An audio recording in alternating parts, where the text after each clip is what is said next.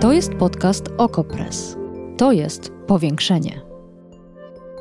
Patrzymy władzy na ręce, każdej władzy. Obserwujemy politykę i życie społeczne. Ustalamy fakty, komentujemy wydarzenia i przede wszystkim rozmawiamy z Wami i z naszymi gośćmi. Zapraszam, Agata Kowalska.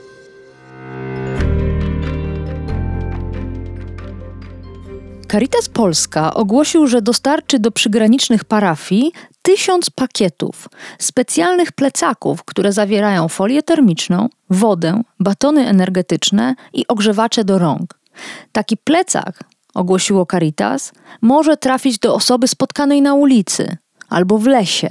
Chodzi oczywiście o pomoc uchodźcom znajdującym się na polsko-białoruskiej granicy. O tym, że znajdują się oni w tragicznym położeniu, wiemy od sierpnia. Wie o tym również Caritas, bo jego przedstawiciele jeszcze w lecie wizytowali okolice Usnarza. Zastanawia mnie, dlaczego kościelna organizacja charytatywna dopiero teraz ruszyła z bezpośrednią pomocą. Wcześniej, czym się różni tak duża organizacja kościelna od pojedynczych mieszkańców przygranicza albo od grupy granica, która niesie pomoc mimo bardzo skromnych środków i przede wszystkim braku struktur? O tym dzisiaj w powiększeniu.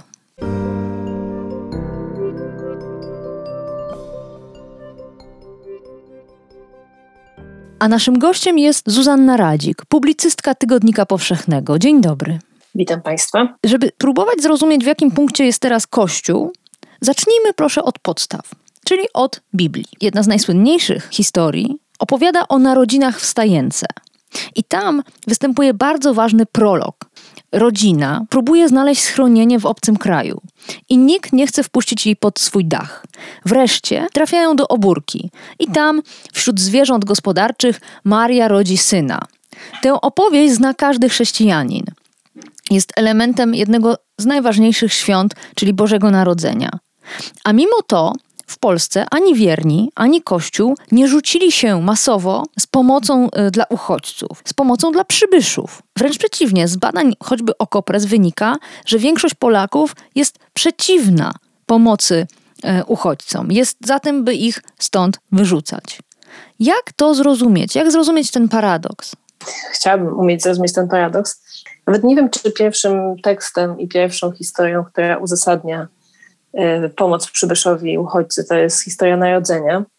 Jest taki, jest taki rodzaj rytmu w Biblii i to całej Biblii, nie tylko w tej części chrześcijańskiej Nowego Testamentu. A mianowicie, że przede wszystkim Izrael to jest lud, który wychodzi, który jest obcy w Egipcie, wychodzi z tego Egiptu, idzie do nowej ziemi, obiecanej ziemi.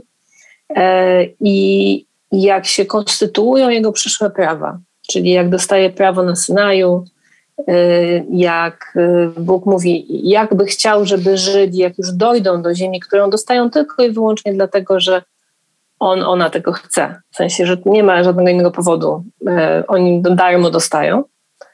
To, to jednym z warunków tego bycia w tej ziemi, tej konstytucji Bożej na, na czas bycia i, i życia społecznego jest, że się będziesz opiekował e, sierotą, wdową i, i, i przybyszem. Tym, tym, tym, kimkolwiek przyjdzie, tak? Ten, czyli najsłabszymi, tymi, którzy są bez przynależności rodzinnej, którzy są obcy w Twoich społecznościach, którymi nie ma się kto zająć w, tej, w, tym, w, tym, w tych czasach w tej społeczności. I wydaje mi się, że to jest szalenie ważne. To umyka łatwo, bo to są oczywiście teksty, które są rozproszone po całej Biblii hebrajskiej, ale ale stanowią bardzo konkretny rytm taki biblijny. Mhm. Ilekroć jest mowa o prawodawstwie, o dawaniu ziemi, o tym, jak się Izrael ma zachowywać, jak wejdzie, tylekroć jest przypomniane, że masz się opiekować uchotą, sierotą, wdową i przybyszem. I to jest, e, i to jest pierwsze, bo to jest jakiś rodzaj myślę, takiego uwarunkowania myślenia o sobie i myślenia o innym, to znaczy tego, że wszystko, co masz, jest dane i dlatego musisz rozszerzyć swoją, swoją miłość y, czy swoją, swoją gościnność, dobroczynność, jak zwał, tak zwał. Y, różne z tych słów można lubić albo nie. I mieć jakieś różne konotacje do nich, ale, ale to, że to, to, jakby to co masz i, i tak nie jest do końca twoje, więc musisz się tym dzielić. Jest to warunkiem posiadania tego, co masz właściwie. To, to, to jest pierwszy taki fundament, myślę, dla tego, jak y, chrześcijanie powinni myśleć o o tym, mm, o przybyszach skąd inąd. A drugi fundament też nie jestem pewna, czy jest w narodzeniu, no bo to jest oczywiście to, to oczywiście tam jest mocno wzrusza myśl nad tym żłóbkiem i że ich nigdy nigdzie nie chcieli, kolendy, ale, ale drugi, drugi tekst jest e, chyba mocniejszy i ważniejszy pod tym względem, a mianowicie Mateusz 25 i ta opowieść o tym, z czego będziemy sądzeni. To, znaczy, to znaczy, że czy gdy byłem przybyszem, a przyjęliście mnie, gdy byłem więźniem, a odwiedziliście mnie, tak byłem głodny, byłem spragniony są, tam są bardzo konkretnie nazwane dokładnie takie sytuacje, z jakimi mamy, jak, jak się dzisiaj dzieją, tak? Głodny, spragniony przybysz. E, I to, co my wobec niego zrobimy, to jest, e, to jest kryterium, które jest podane jako kryterium sądu. E, sądu, wejścia do życia wiecznego, jakkolwiek chcemy to nazwać, ale tak naprawdę takie fundamentalne kryterium oceny naszego życia. Bo ja zadałam dosyć bezwzględne pytanie, takie rozliczające, takie trochę jak prokurator, dlaczego chrześcijanie nie niosą pomocy, skoro wydaje się, że w samym rdzeniu ich e, wiary jest właśnie miłosierdzie, jest e, pomoc. Ale Profesor Michał Bilewicz, którego również pytałam o te kwestie, oczywiście nie o kwestie wiary, tylko bardziej postaw, mówił, że zawsze tylko garstka pomaga, że oczekiwanie, że wszyscy ruszą z pomocą jest błędne, jest y, fałszywe. E, tak, ludzie tak nie postępują. Natomiast zwróćmy swoją uwagę na struktury kościelne, potężnej instytucji, potężnej w sensie zasobów, ale też pewnego kapitału społecznego, kapitału też politycznego. Tutaj Również Kościół jest bardzo wstrzemięźliwy. Ostrożnie odnosił się do tej kwestii granicy. W pewnym momencie episkopat wydał um, oświadczenie, w którym apelował o pomoc i o humanitaryzm. Ale ta pomoc bezpośrednia, te pakiety, te plecaki, to jest dopiero decyzja z, z ostatnich kilku dni. Jak to próbować pojąć? Jakich użyć do tego narzędzi? No tutaj jakby to jest też pytanie, które myślę, bo, bo jakby są dwa pytania osobne, tak? Mm-hmm. To znaczy, co chrześcijanie i tutaj to pytanie do wszystkich chrześcijan, co chrześcijanie, jak się czują zobowiązani, co mogą, co chcą zrobić i e, no i w tym sensie chrześcijanie są pewnie statystycznymi ludźmi, którzy niestety, którzy tyle co inni się mobilizują, choć chcielibyśmy, żeby było inaczej ale to już pytanie do indywidualnych osób. Natomiast y, dlaczego instytucja kościelna z jej mocą logistyczną tak się zachowuje, to chyba jest jednak, y, no to tak, to jedno porównanie i takie przypomnienie tak politycznej mocy. Tak? Kościół od początku, y, od, od wielu lat już nie używa swojej politycznej mocy w sprawie uchodźczej w takiej, w takiej skali, w jakiej wiemy, że umieją jej używać w innych sprawach. I tutaj oczywiście banalne, ale aż proszące się o to, żeby zostać użytym porównanie tego, w jaki sposób Kościół apeluje o ochronę życia od poczęcia do naturalnej śmierci, kiedy mowa jest od, y, o życiu bliżej poczęcia niż y, urodzonym i, i jak, jakiego rodzaju, nie wiem, apele byliśmy, słyszeliśmy, jak one są mocne też, tak? Znaczy, jak, jak formujemy to mocno, czy formują to hierarchowie mocno, jakie różne działania były podejmowane w tej sprawie. Mm. I porównać to z apelowaniem o, y, o wsparcie uchodźców, y, no to, to jakby to, to jest jedno. Drugie to jest jakby sama moc apelowania. To, to jest oczywiście dobrze, że mamy co cytować, tak? To nigdy nie jest zupełnie błahe, że powiedziano, odpowiedni ludzie powiedzieli odpowiednią rzecz. Lepiej jak mówią odpowiednie rzeczy, niż jak nie mówią tych odpowiednich Oczywiście, rzeczy. ja bez cynizmu czekałam na ten apel nie, ja episkopatu. Ja absolutnie też. Natomiast y, prawdę mówiąc, Y, dla mnie na przykład znaczącym momentem było, był moment, kiedy prymas odpowiedział na apel medyków na granicy, którzy tak. zwrócili się do niego, rozumiem, w takim rozpa rozpaczliwym szukaniu jakiegoś patrona, który tak. przebije się przez tą polityczną bańkę. I on odpowiedział takim właśnie również apelem, że trzeba pomagać i nie można pozwolić. I, i nie, jakby nie wiem, nie wiem, czy nie rozumiejąc, że oni nie o to proszą, czy nie chcąc pokazać swojej politycznej niemocy, tak? bo, bo, bo, bo to jest też jakiś, myślę, taki takie zjawisko, które widzimy od 2015, to są trochę inne sytuacje jednak. Wtedy kryzys uchodźczy w Europie, skala jednak wciąż nieporównywalna do tego, co dzisiaj na granicy polskiej, ale odległa od granic Polski. Ale już wtedy było widać, że biskupi odezwali się i zobaczyli, że natykają się na mur. Y, nawet w tak prostej sprawie jak propozycja z 2016 roku, żeby zrobić korytarze humanitarne do Polski, była to przyjęta przez episkopat propozycja, którą prośba, którą skierowano do rządu, zignorowana kompletnie. Ale zatrzymajmy się na tym co, murze. Z tego, co wiem, Mówi pani, tak, episkopat jest... Y, trafił na mur. W wielu sprawach y, trudnych trafia się na mur, a walczy się. Kościół potrafi tak, walczyć o swoje jest, interesy. I to jest właśnie, myślę, taka psychologia polskiego biskupa tutaj Aha. wchodzi.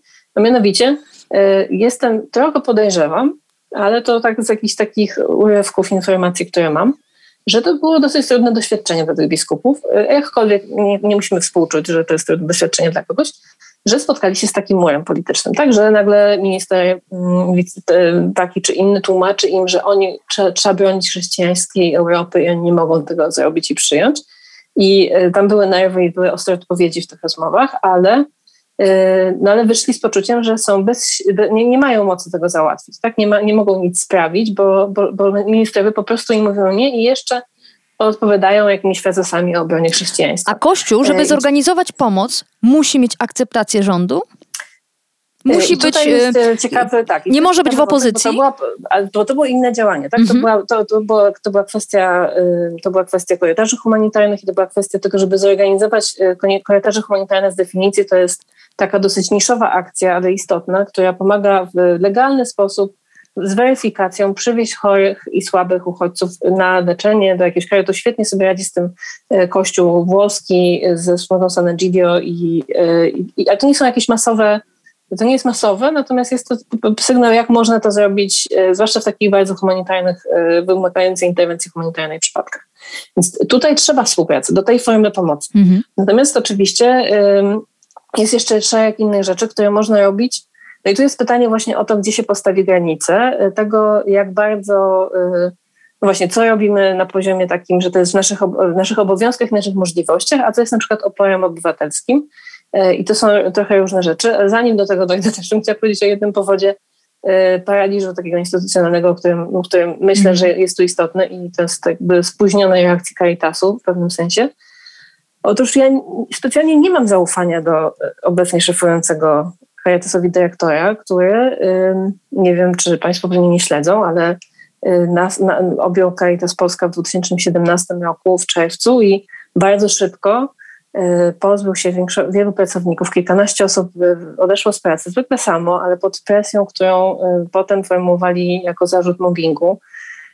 To było przedmiotem i, i, i, i, e, analizy Państwowej Inspekcji Pracy, jak również Episkopatu Polski, który przeciągał i przeciąga i chyba dalej przeciąga dochodzenia w tej sprawie, e, ponieważ dyrektor Jerzycki jest bardzo, e, bardzo mocno związany z ważnymi osobami w episkopacie, również na przykład takimi jak arcybiskup Głódź, ma, mówiąc krótko, mocne plecy. I też od początku ta, sposób działania Caritas Polska w stosunku do uchodźców się zmienił za jego, e, za jego dyrektorskich czasów. E, więcej słyszeliśmy o pomocy na miejscu, e, mniej o korytarzach humanitarnych, których to Caritas też był takim lobbystą powiedzmy z, z, po tym, jak episkopat to zarekomendował. Zespół zagranicznej pomocy właściwie został rozmontowany. Mm, to chyba nie jest, e, no ja nie, nie chcę tutaj wchodzić daleko w spekulacje, ale wydaje mi się, że ta, takie konotacje polityczne to jest jakby właśnie takie ukonkretnienie, takie postawienie tego pytania o to, na ile Kościół, który jest tym tak zwanym, pięknie nazwanym przez Litwina Nosowskiego, konkubinacie z państwem w tym momencie, z partią rządzącą, a jest. Kościół, zwłaszcza im bardziej instytucjonalny, im bardziej w tym bardziej to widać, no to jest taki moment, kiedy ten konkubinaty się mści, bo trochę nie można iść wbrew konkubentowi e, działać. I, e, I myślę, że taka opieszałość e, Caritasu, który w końcu jest dobrze zorganizowaną, potężną organizacją z dużym budżetem, z naprawdę dużym budżetem, którym dysponuje i mógłby to robić dynamicznie.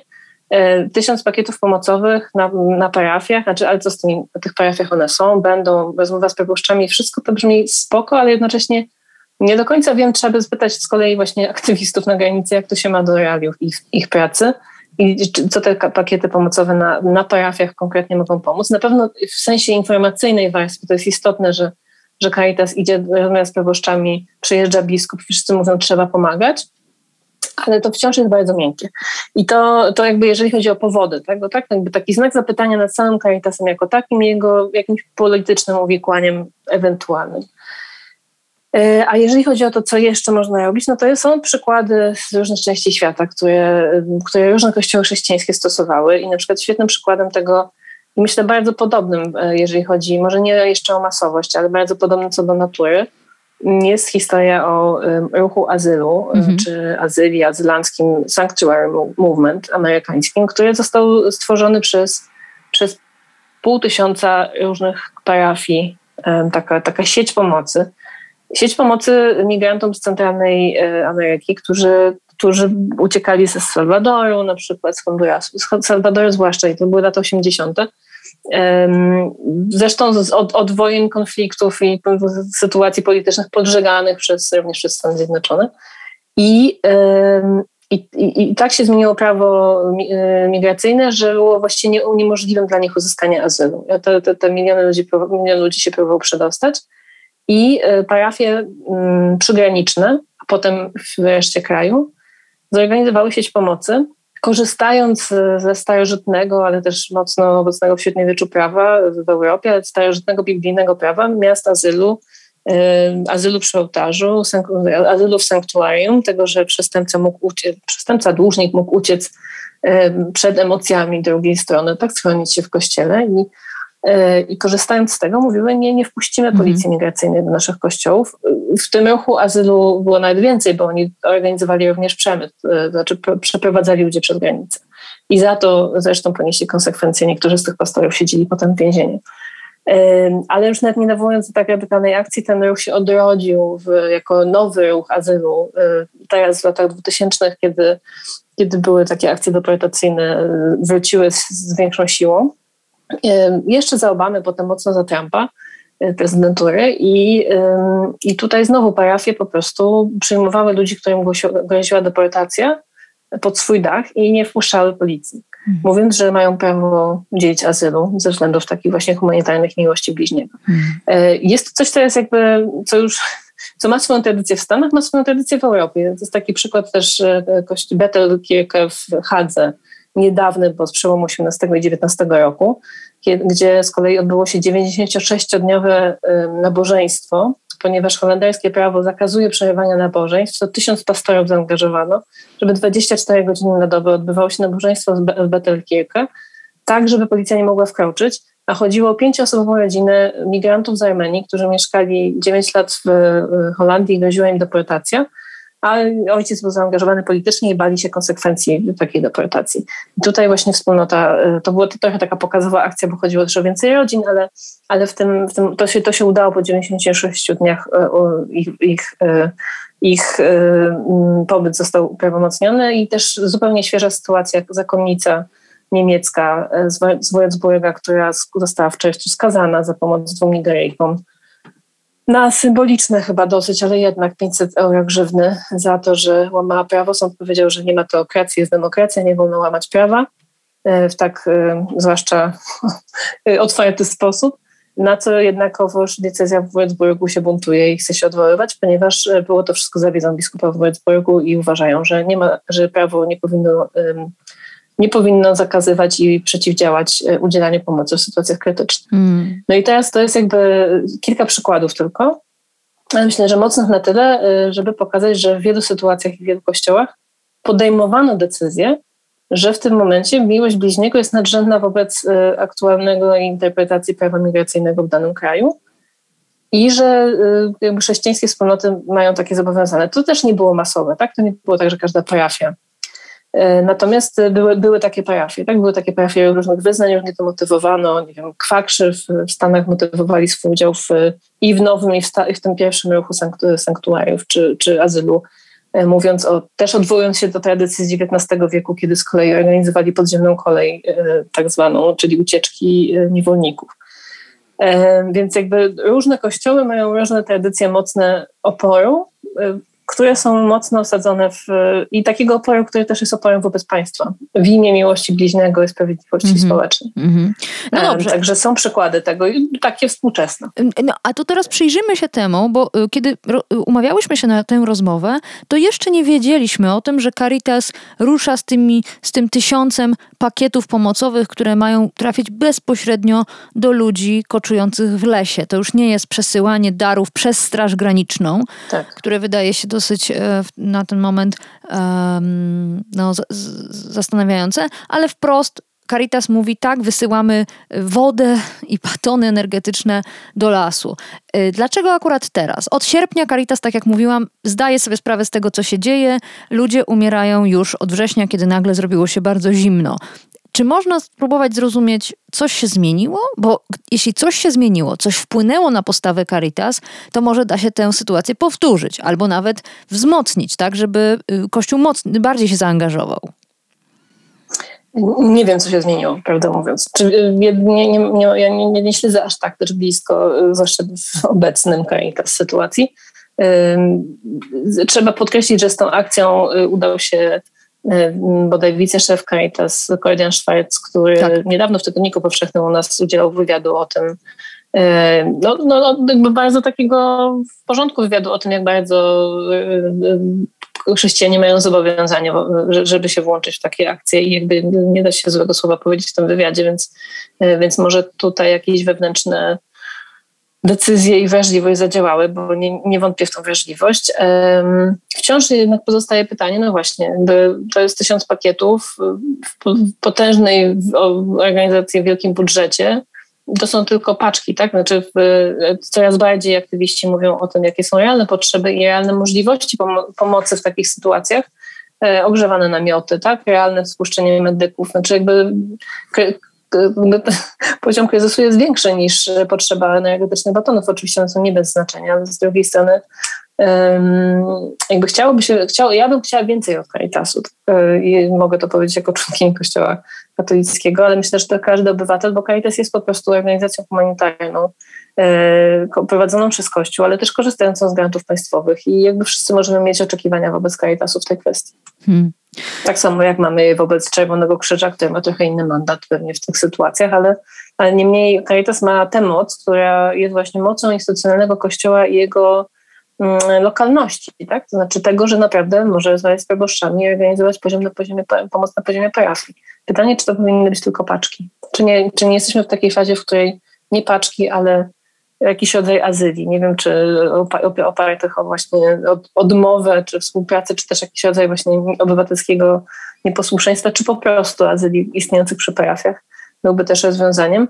A na pewno jest jakiś rodzaj też takiego, bo jest jakby, to są dwa poziomy też um, działania tutaj. To znaczy jedno to jest taki bardzo praktyczny poziom realnej pomocy, i co jest teraz tak naprawdę potrzebne i zastanowienie się nad tym i, i na ile ta diagnoza, że paczki y, te takiej pierwszej pomocy są, są teraz najważniejsze, to jest, to jest pytanie.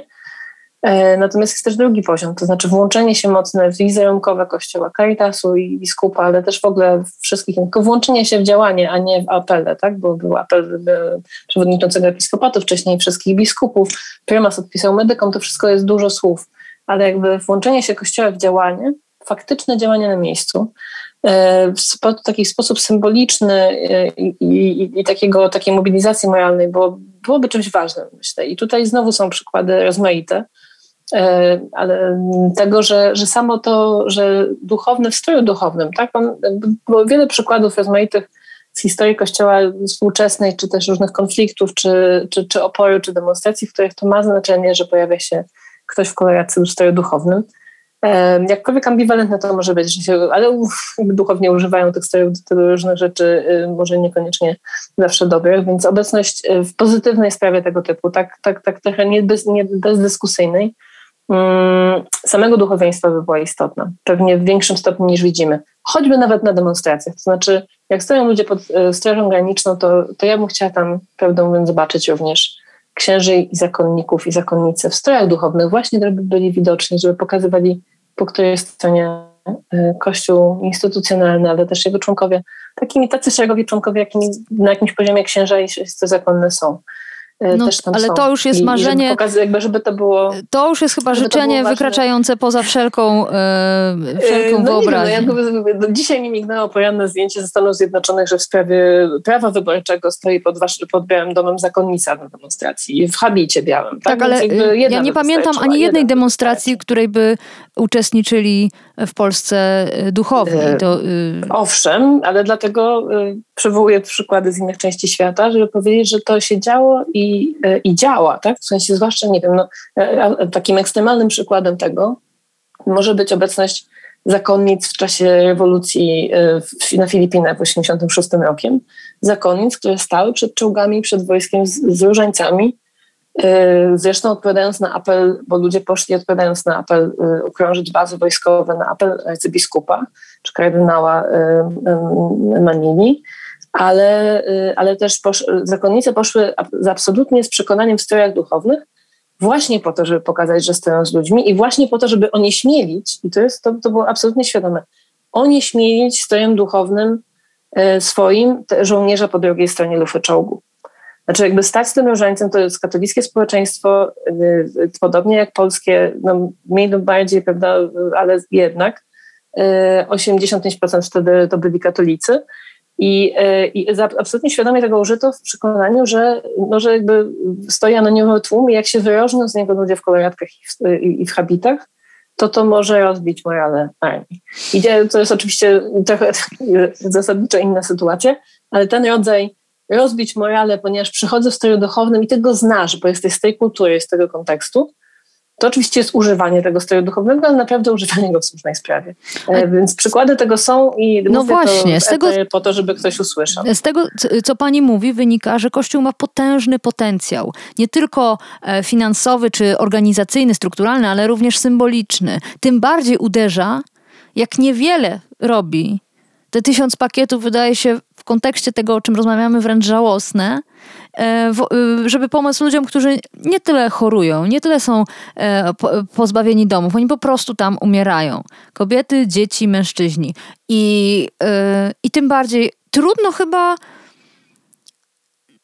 No, trudno zrozumieć, trudno zrozumieć, jak można spokojnie pójść w niedzielę do kościoła, modlić się, jak można spokojnie oczekiwać na kolejne święto albo na pielgrzymkę, kiedy wiemy, że E, tak e, duża instytucja nie staje w Polsce na wysokości zadania.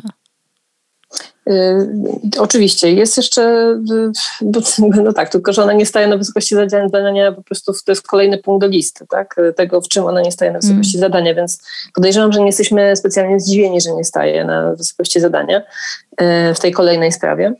Mm, no tutaj to rzeczywiście jest wyjątkowo takie widoczne ze względu na taką fundamentalną no, kwestię, jaką jest ochrona życia ludzkiego i to, że Kościół mieni się takim ambasadorem tego tematu w życiu publicznym, a tutaj nie dowozi. Dzień Migranta w wielu parafiach przemknął po prostu bez, e, bez wspomnienia tego, co się dzieje na granicy polsko-białoruskiej.